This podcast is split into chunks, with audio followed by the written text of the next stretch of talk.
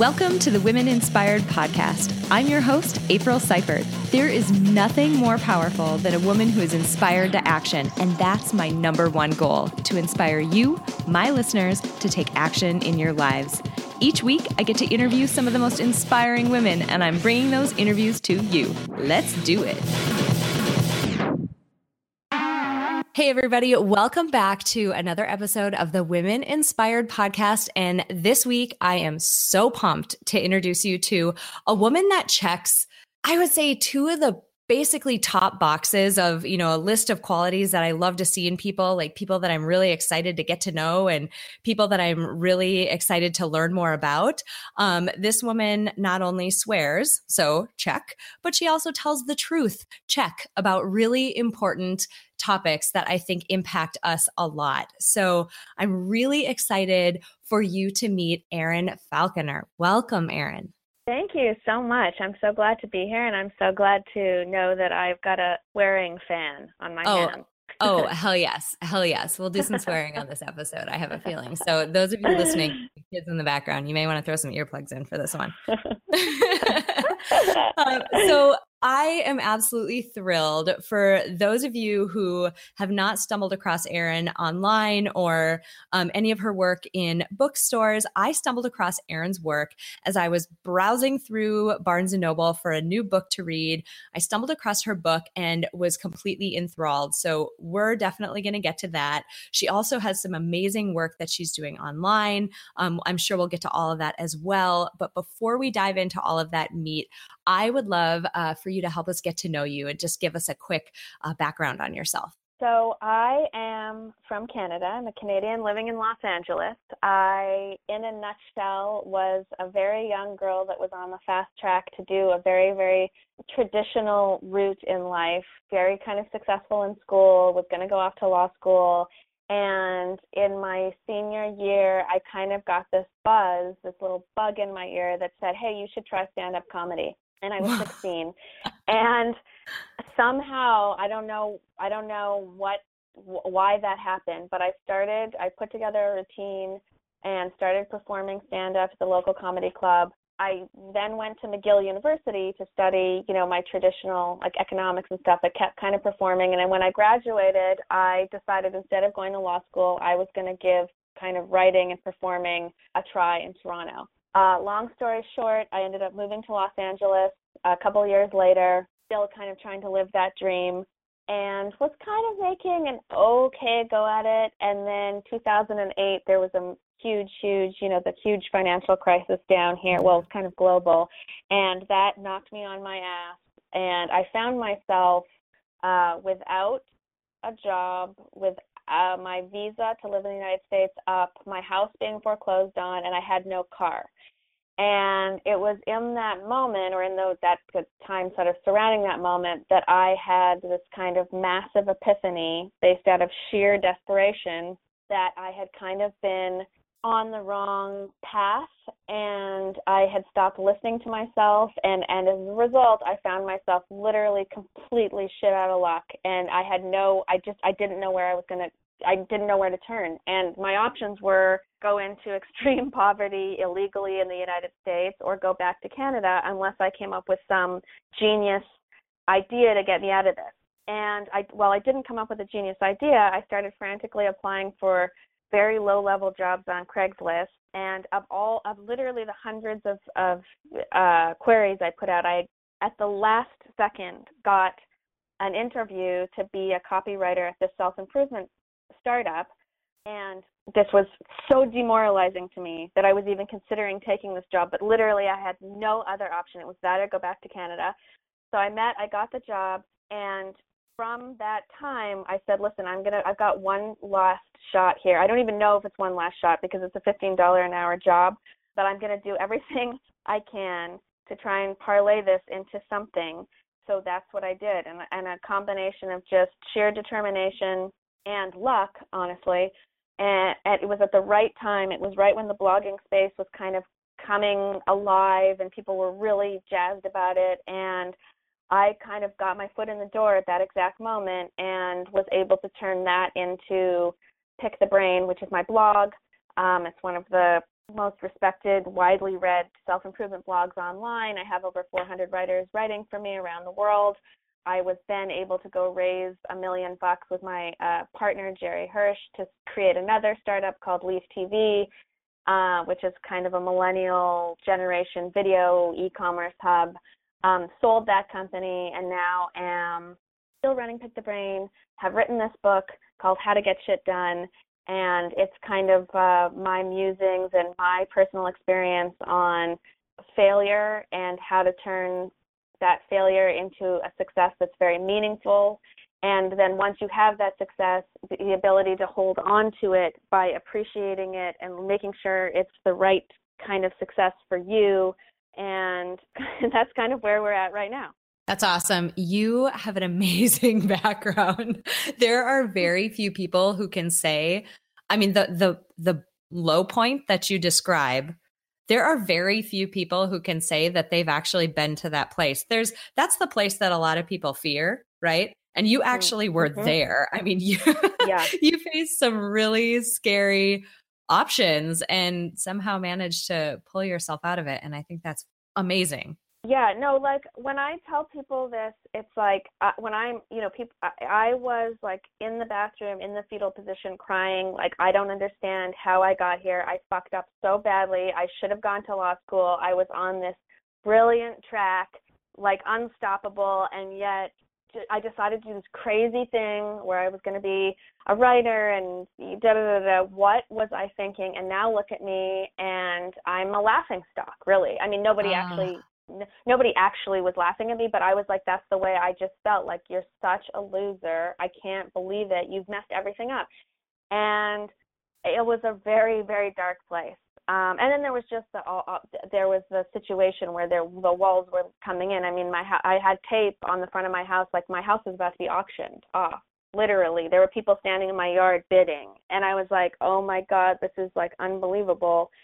It was from out of that very dire situation though that a great I was able to come out fighting and stronger with a clear vision of what I wanted and so it worked out but it was those it was not easy.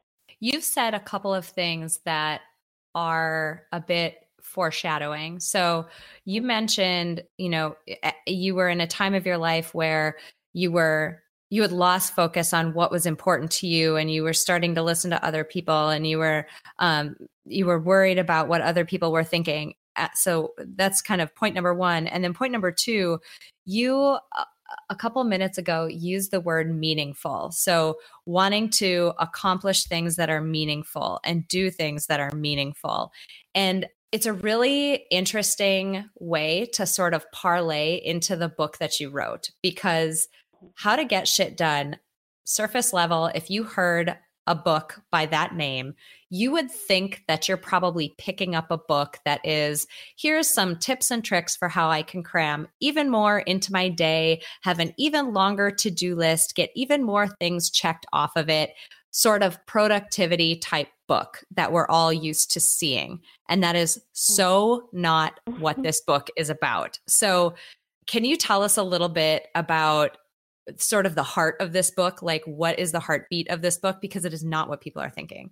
Yeah totally. And it's so funny that you say that because one of when we were when i was coming up with the name um, and there were a couple of different names in the mix this one was obviously something that really reflected the way i talk and the way i think. But one of the concerns was the content is exactly to your point the content of this point of this book is completely in opposition to what you might think getting shit done means. And so everybody was a little concerned on the team that it might be misleading.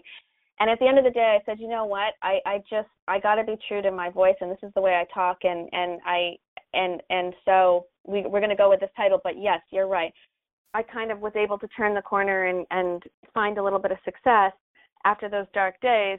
I got hit up a couple of years ago by an agent in New York and a lit agent, and she said, Erin, uh, kind of been following you online, and I think that you should write a book. And of course, this is my dream come true uh, because I moved to Los Angeles to be a writer, and that had been very elusive to me. And I said, "Great. What do you What do you want the book to be about?" And they and she said, "Well, on you. Like you write something about you." And I was like, "What are you what are you talking about? Who would who would read that book? I don't I don't understand. Like and she was like, Well, you've done this and you've done this and you've done this and you've done this. And I got off the call with her and I was like, Oh my God, I she's right. I have I've done, you know, I, I, so much stuff and yet I haven't even stopped for one second, and this is true, to appreciate any of it. That's so and common. So, yeah, so and it's common. Like, and it's Uh. unbelievable. And so I said to myself, this is this is this is a problem. And when I stopped to look around, and I, I have had the privilege of working with some very strong, creative, unbelievable women, I looked around and I said, you know what? I think we're all kind of suffering. It looks like we're suffering from the same illness here because we're just going and going and going and on to the next. We're out there collecting trophies. We're we're we're just so scared to slow down and take stock that to be honest with you, yes, I've had success and no, I'm not in the fetal position crying anymore and worrying where I'm going to go, but at the same time, this is a different kind of hell because it's it just it's all meaningless. If you're not taking stock of what you're doing and appreciating, it, but there's no time because I just keep freeing up time to do more stuff. And so in that it was in that moment that I was like, okay, this is the book. This is where this is what needs to be written because this is as I talk about in the book that that I believe that the internet is the great equalizer for women. It's the kind of it's the beginning of the thing that turned us in the right direction. We've kind of stripped away a lot of the traditional 9 to 5 hierarchies there's a lot more freedom. There are a lot more flexible flexible schedules because of the internet. There's a lot of apps that can help us out too, so we don't have to do all the heavy lifting all the time at home and at work. But that is only a good thing if we're using these tools in the right way. And the way I was seeing the women, myself included, around me use these tools, it was we were headed to inevitable burnout because we were just Mhm. using these things to, as I said earlier, to free up more time to get more stuff done. And you're going to hit a wall. Uh, it's not sustainable. And even if it were sustainable, which it's not, it's just not a life worth living. This isn't, you've got one life. And so to be speeding at 100 miles an hour to get things that you should, you, you think you should be doing, or you think that other people think you should be doing, um, is not where you want to be. That's not where you find your power, and that's not where you find your fulfillment, and that's not where you build your energy up. That's where that's this is a this is a crash course on total energy depletion. And so yeah, so that was kind of the impetus for the book. I'm like, I, I, as you were talking, I'm like, oh my God, don't scream into the mic. Like, ah, I'm so excited because the the folks who've listened to my episodes, they know that this idea of us having one life and it being short and it being so precious and ultimately for a, a lot of us we're going to reach the end of it before we want to and really Mhm. all we have is time all that's Mhm. the the point that i made um, at the beginning of 2018 was time is the most non-renewable resource that we can possibly come across you are not getting any more of it it doesn't matter how rich you are or how much you beg you're not going to get any more of Mhm. it and so it's so important that we spend it doing things that matter and that we give Mhm. ourselves exactly to your point the white space in our day to be able to say hell yes i accomplished that and that's part of what i Mhm. want to do with this podcast is give people a chance both my guests give them a chance to say yes here's the awesome thing that i did but also to be a role model for other women out there to say we're all accomplishing incredible things and that deserves to be celebrated and it deserves us to take a moment and be really proud of ourselves for the things that we're accomplishing especially when they're things that light us up and make us so excited Yeah, absolutely. so the subtitle of this book for those who are not familiar is why women need to stop doing everything so they can achieve anything why did you focus on women i know you mentioned it a little bit that you saw a lot of Mhm. women around you but why the focus on women Right. So, number one, I just think that there's a different kind of physiological, psychological breakdown, obviously, between men and women. And I think men have the ability to compartmentalize a lot better than women do, first of all. Um, and so, when a man, and I and I'm, this is based on my experience, not I haven't done long crazy studies on this. This is just based on my experience. But when a man has done something, he's done done something, and it feels like to me that a woman is ne- never feels done. There's always something else we could be doing. There's always something else. There's some way we could do it better, and that is uh, exhausting. Obviously, I, I also think that not is there's not only just um, you know these genetic things that are different, but we have not had an even playing field in the workforce ever. And as I mentioned, it, I, I do think that the internet, in many ways, is starting to equalize that field. But we're still in that mindset of kind of we're less than. There's a fear attached to our success. So, so for example, for me, it's like I've I've had so many failures. Once I tasted success, I was so scared to lose it. I was so scared that if mm-hmm. I stopped for one second, somebody else would come in and take it and do a better job or do more than me.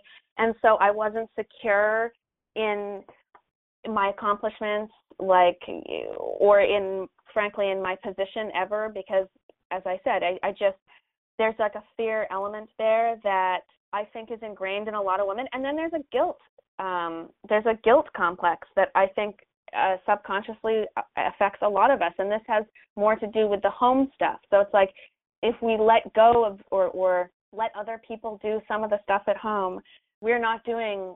You know, we're not mom of the year, we're not girlfriend of the year, or we're not, you know, homemaker of the year, even or or just even if you're single, it's like the house should look a certain way. The we're not doing everything all the time. There's a guilt aspect, at least subconsciously, that we're not good enough. And I don't think that the same is true for men. Men have their own challenges, but I, I don't think these particular things um, affect them in the way that they affect, affect women. And all of these things really impede true productivity because it's filling your mind with so much angst that you're not even aware of that you spend a lot of your time, um, I like to call it distracted time, as opposed to just pure open time where you could be doing things. There's so much stuff going through your mind at all times that it's slowing you down in ways that that you're you you're not even recognizing at all. So there was a beautiful example you gave of that in the book. You talked about this notion of objectification of women and the impact that it has on us and this idea that I forgot I forget what term you used but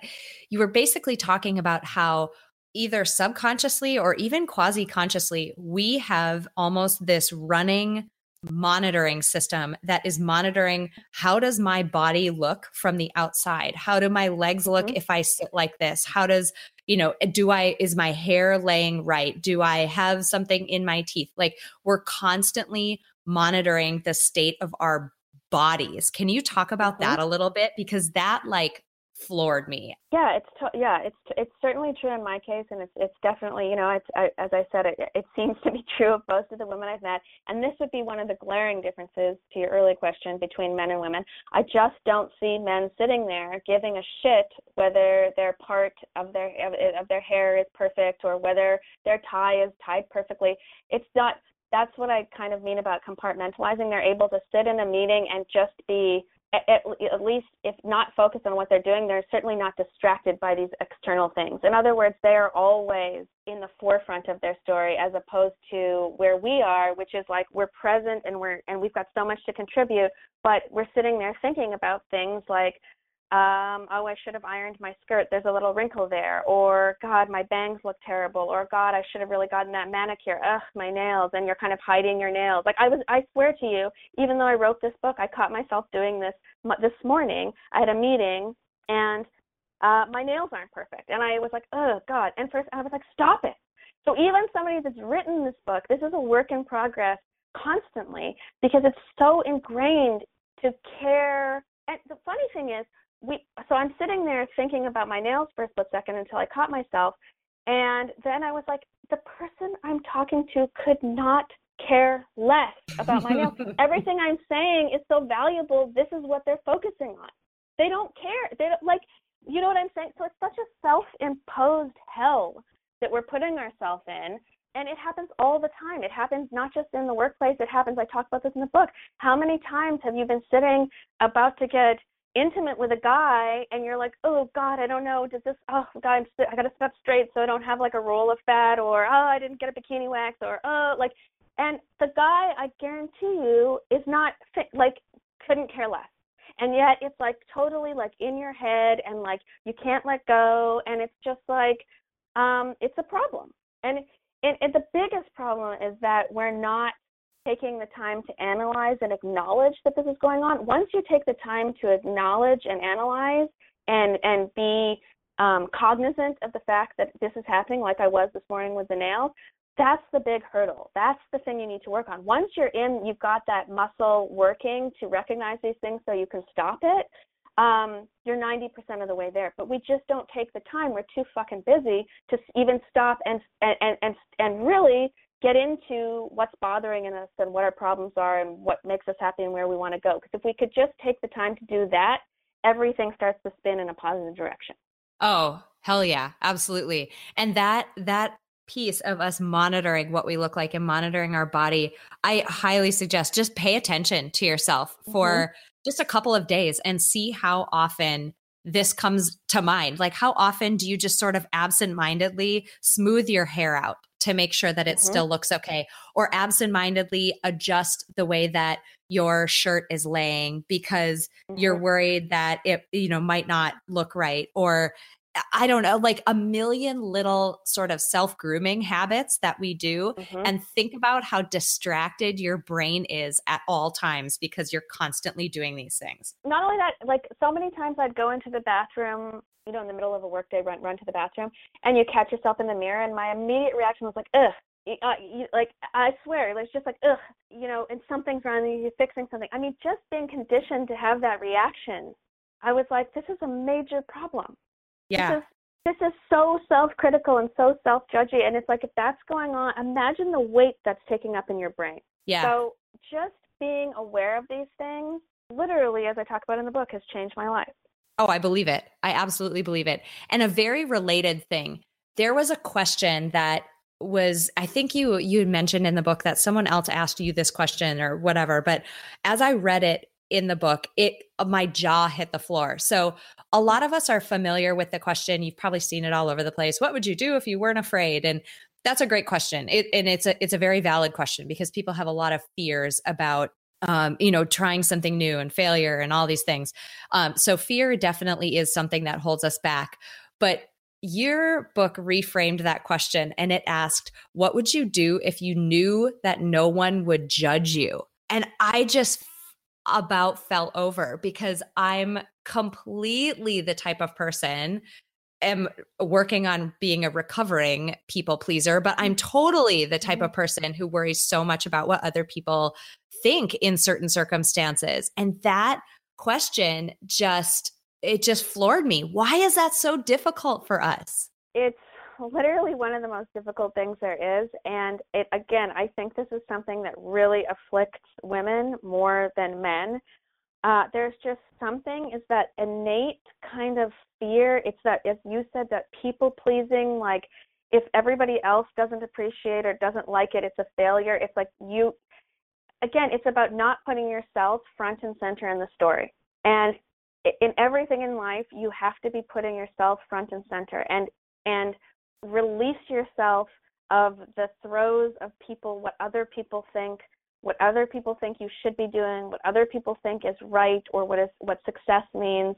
And when when you talk about i mean this idea of judgment is just becoming more and more and more pervasive i think as we see with the rise of social media where everybody's laying bare all of these kind of false realities about how they're living their lives on instagram mm-hmm. and facebook and everybody it's just everybody's got an opinion on something on what you're doing and it's very opinion based right it's all it's a very it's based on how many likes am i getting how much engagement am i getting okay so is what i'm doing good is what i'm doing good and the way we're basing it is what other people are willing to give a like or a comment on.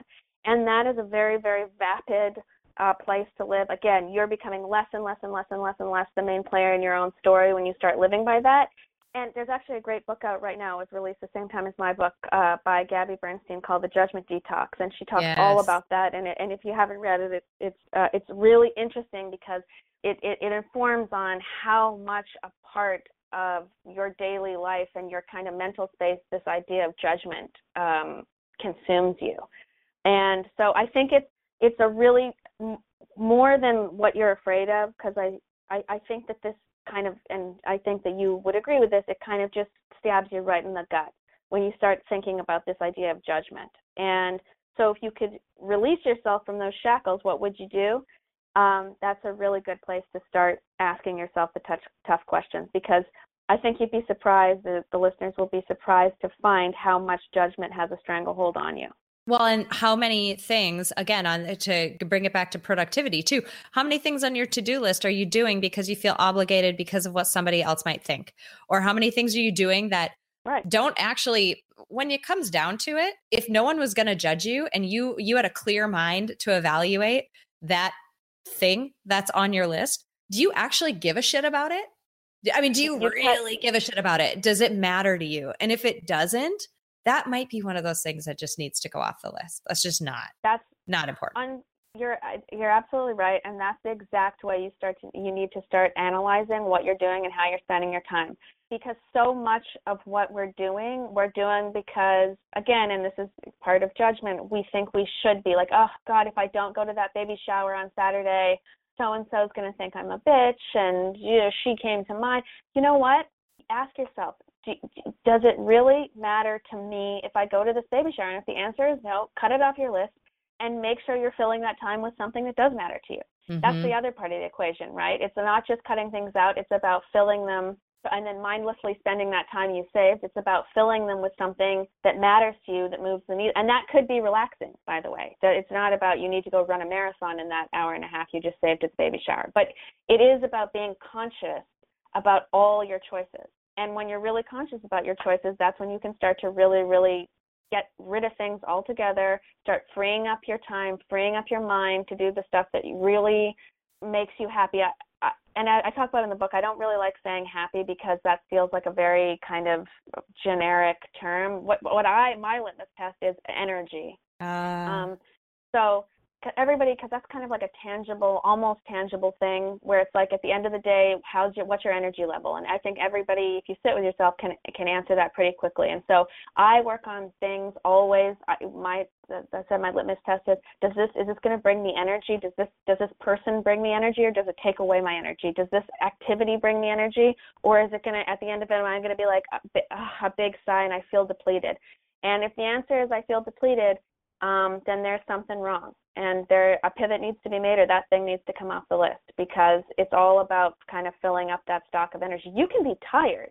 If you're doing things you love, you're doing them kind of full out and that's going to tire you out, but you're not exhausted and your energy mm-hmm. is still intact. Yes.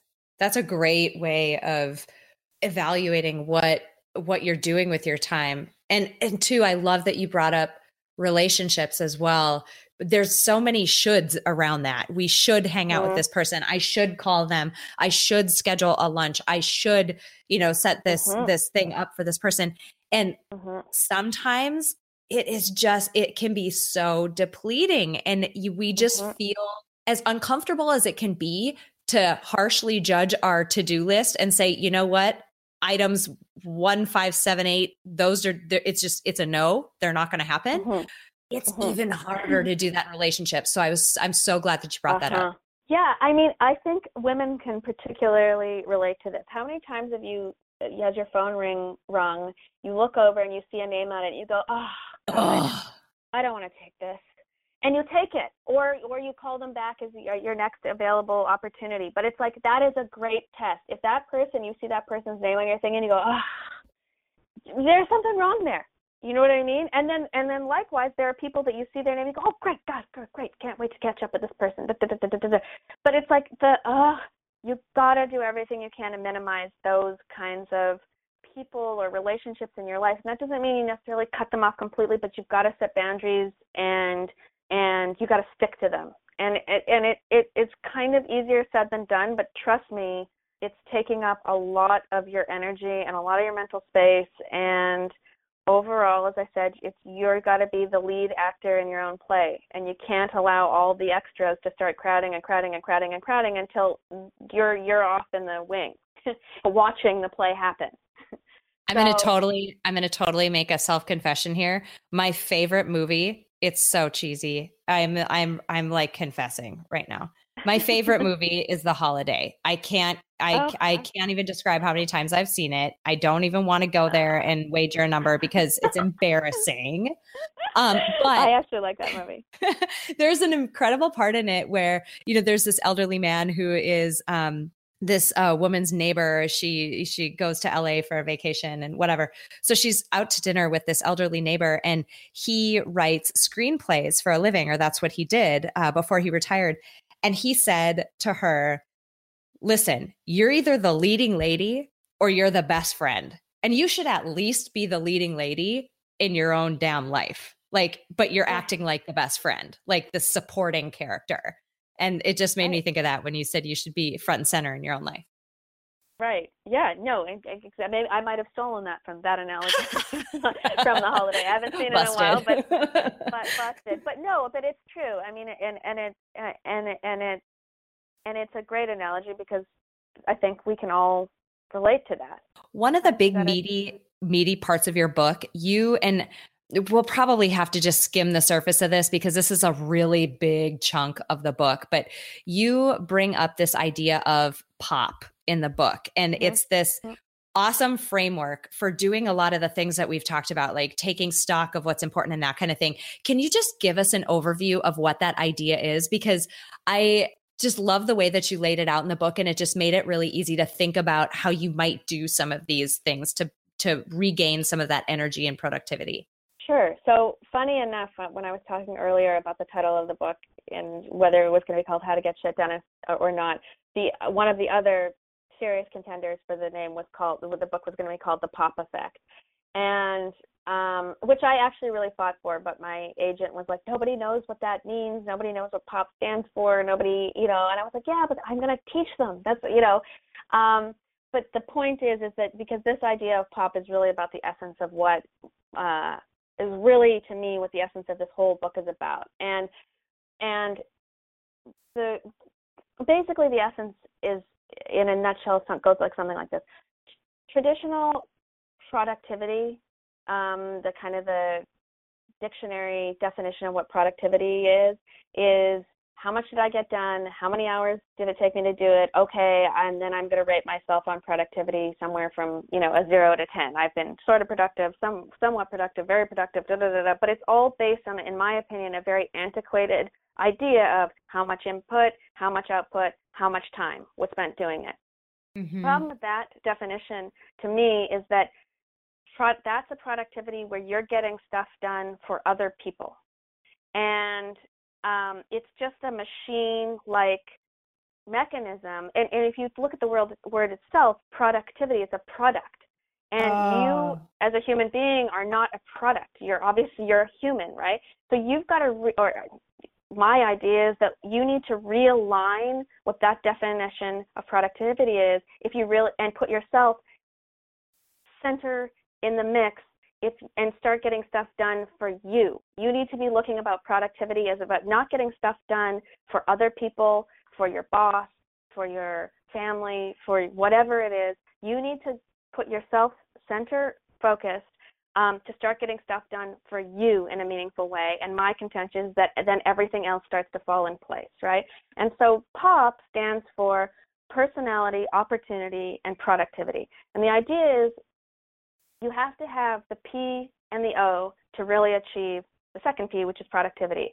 So, what does personality stand for? Personality really is understanding who you are, what you want, what makes you tick, what brings you energy, and discarding all of the shoulds um, in your life about where you think you should be, where you where other people think you should be, and sit down with yourself and say, hey, what is really bringing me excitement and energy and enthusiasm and where do I really want to spend my hours of the day and my hours of the night.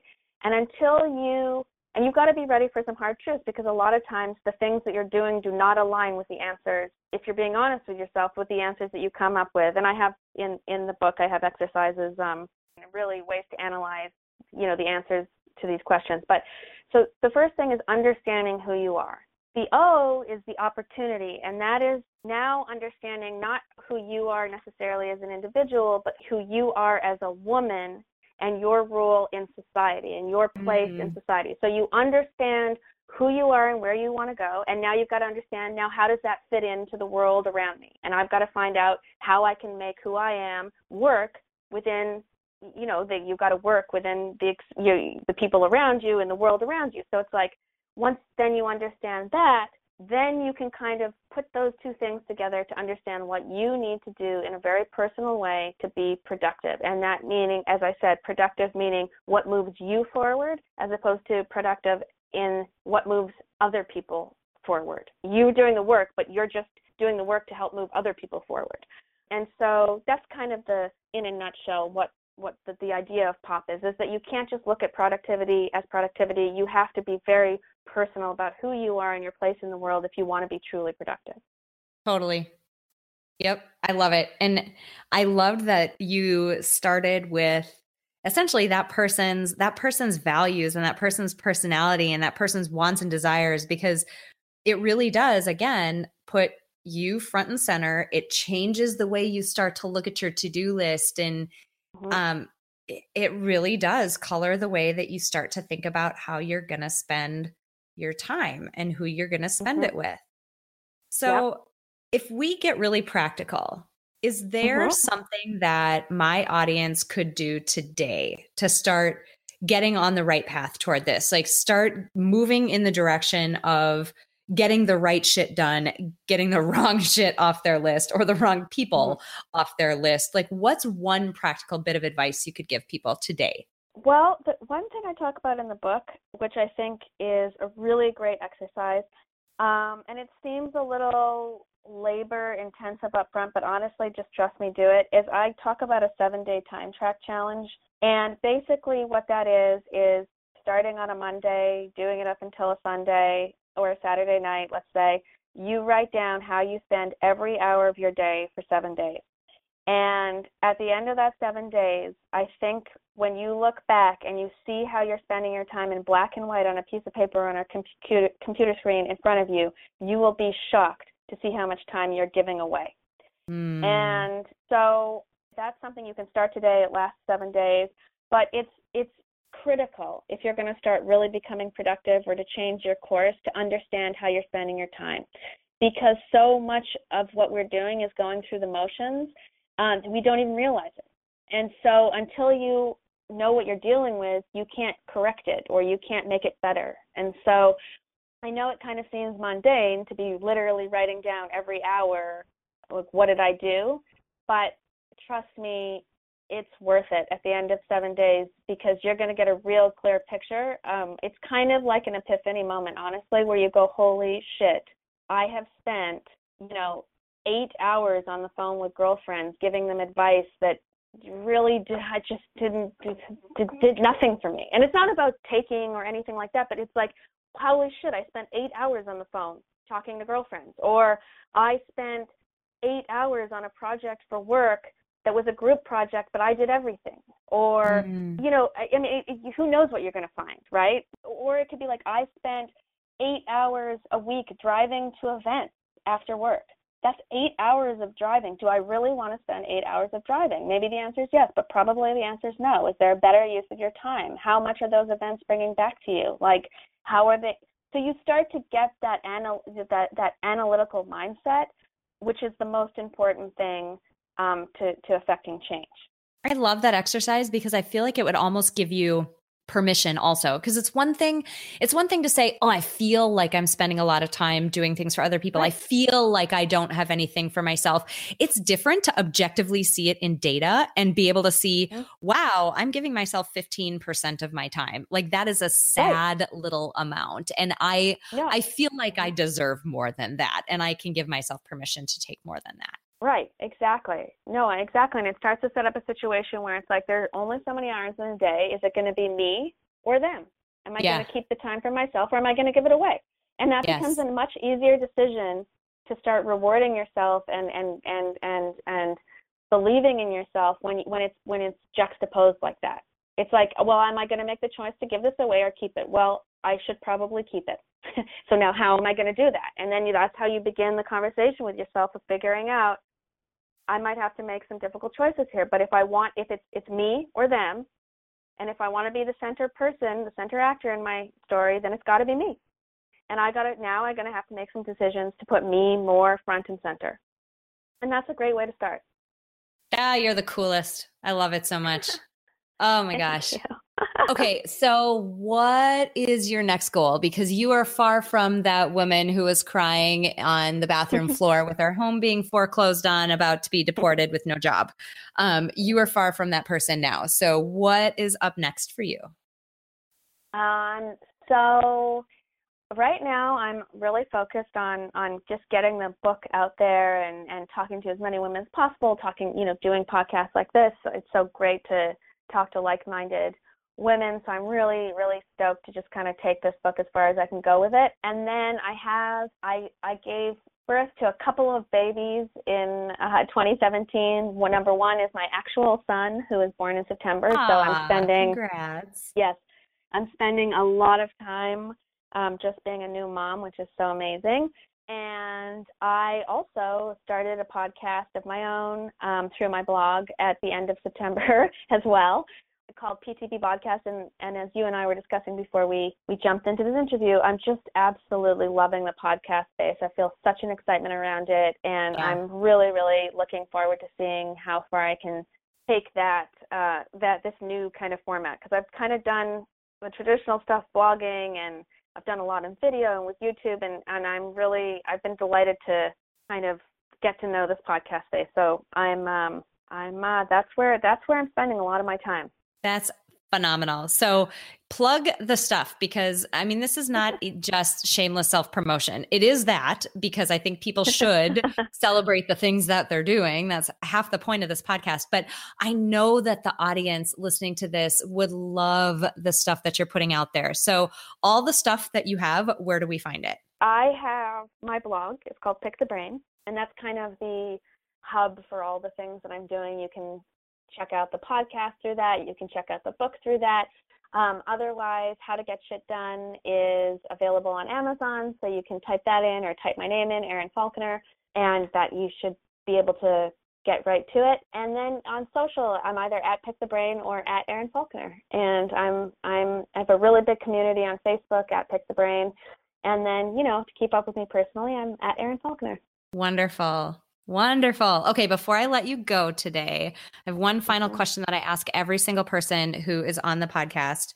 And that okay. is, uh, we are compiling a Spotify power playlist of just motivational songs to keep people pumped up during the week when um, they kind of hit a little low point and need a little bit of extra energy. So I have mm-hmm. to ask you for your favorite motivational song to add to our playlist. My well, I am a huge, huge, huge, huge, huge music fan. That's probably like my biggest love um, other than writing. And let's see. Hmm. Well, one of my favorite artists all, of all time is David Bowie, and he shares a birthday with me. So, um, uh, yeah. And so one of the songs uh, that I absolutely love that puts me in a good mood no matter what is "Let's Dance" by David Bowie. Nice. It's just something that can, you know, it gets the blood flowing and and and the feet tapping, and it can really change my headspace. I don't think that one's on there yet. I love it. That's wonderful. There are some common ones that people sometimes bring up. That one I don't think is on there. That's awesome. I love it. Okay, great. Erin, this has been phenomenal. I was so excited when I came across your work and when I found you online, and I was so pumped that you were up for having this chat today. Your work is awesome and it's guaranteed changing people's lives. So I really appreciate you coming on and sharing all of it with us and being so open to tell your story. Thank you so much. I told you guys, Erin Falconer swears and she tells the truth. I really hope you guys enjoyed that interview because I absolutely adored talking to her. I knew when I read her book that I absolutely had to reach out to her to see if I could get her on the podcast because I was so impressed with the way that she wrote and how much she spoke to me as a woman who feels completely frazzled and busy on an average day. So I have to encourage you to go out and buy Erin's book, How to Get Shit Done, and figure out how to go get shit done in your life. Now, the cool thing about this book is that it's got two sides of the same coin. On one side, it is part instruction manual on how to figure out what the things are that are truly important to you, how to say no to the things that are not important to you, how to outsource things that you can't say no to, but you don't feel like doing yourself, how to set up people around you, your pop posse, as she calls it in the book, how to set up this posse of people who's going to support you as you're making these changes in your lifestyle because it can be difficult, right? You have to have people around you. So, this is part instruction manual. And the other side of the coin, it is part battle cry to women to stop burning themselves out. Stop adding and adding and adding and adding to your to do list and thinking that somehow you're not motivated or you're lazy for not getting it all done or somehow you're not doing enough because you haven't done every single possible thing that has been added to your to do list. I was so impressed with this book because it literally made me stop and think about the things that I was saying yes to and the stuff that I have put in my schedule it just really made me think about it much more critically. One thing that really changed for me after reading this book was, and Erin touched on it in her interview, you know, she talked about picking the activities and, you know, the tasks that are really meaningful to us. We spend so much time thinking about what other people need and what our kids need and what our partners need and what our friends need and what our boss needs and what our job needs and what the school needs and what everybody else needs and what would help them. And we almost lose sight of what the things are that fill us up and what things are truly meaningful to us. And this book, again, it was just a really clear action plan for how to figure out what those meaningful things are, how to fit those in, and how to get rid of the things that just aren't as meaningful to you. So, really think about it. What would it mean to you to have some space and breathing room and margin in your day? What would that mean to have some wiggle room where you're not doing 10 things at once for once in your life? It's so worth it to figure out the things that truly make us happy and the things that are meaningful to us and the things that aren't, and start to align our life around those.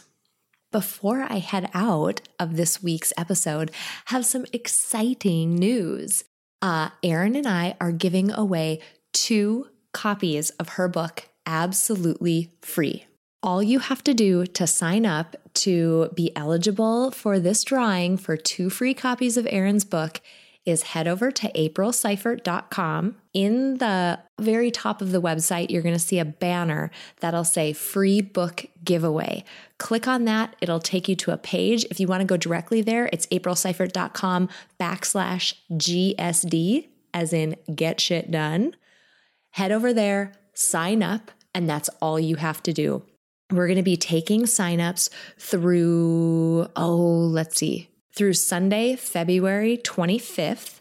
I'm going to close that page down at midnight that night. So technically, I guess it's Monday morning if you want to get really technical about when midnight happens. But in at in the nighttime, Sunday night, I will be closing that page down, and two winners will be randomly drawn on Monday, February 26th. At that point in time, I'll reach out to you and get all of your information to send you out your free book.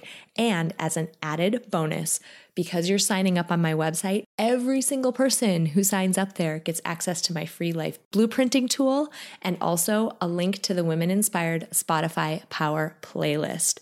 So I highly encourage you guys to sign up at aprilseifert.com backslash GSD or just go to aprilseifert.com, click on the header, and that'll take you right to the page where you can sign up to get one of the free two books that we're giving away as a result of this awesome podcast. Seriously, ladies, it is time to get some shit done and get the right shit done. So I hope you sign up. Before we close out today, I want to say thank you to my producer, Cameron Hill. If you enjoyed this episode, please share it with someone else who might benefit from this content. And if you have a moment, click the link in the episode description to leave me a rating and a review on iTunes. It would mean so much to me.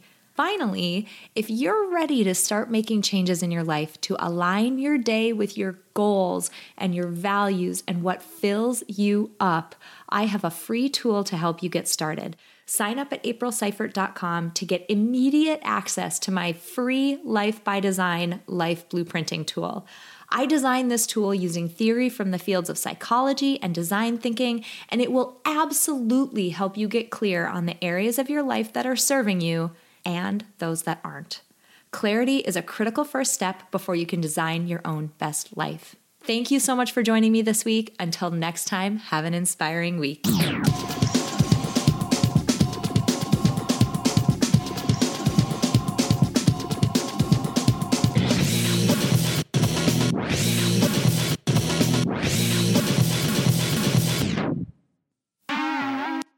At Parker, our purpose is simple.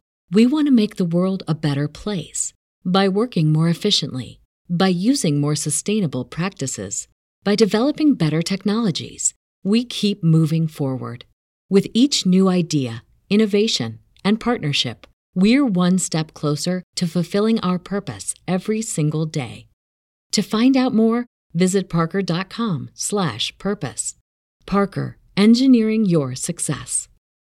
As humans, we're naturally driven by the search for better. But when it comes to hiring, the best way to search for a candidate isn't to search at all. Don't search, match with Indeed. When I was looking to hire someone, it was so slow and overwhelming.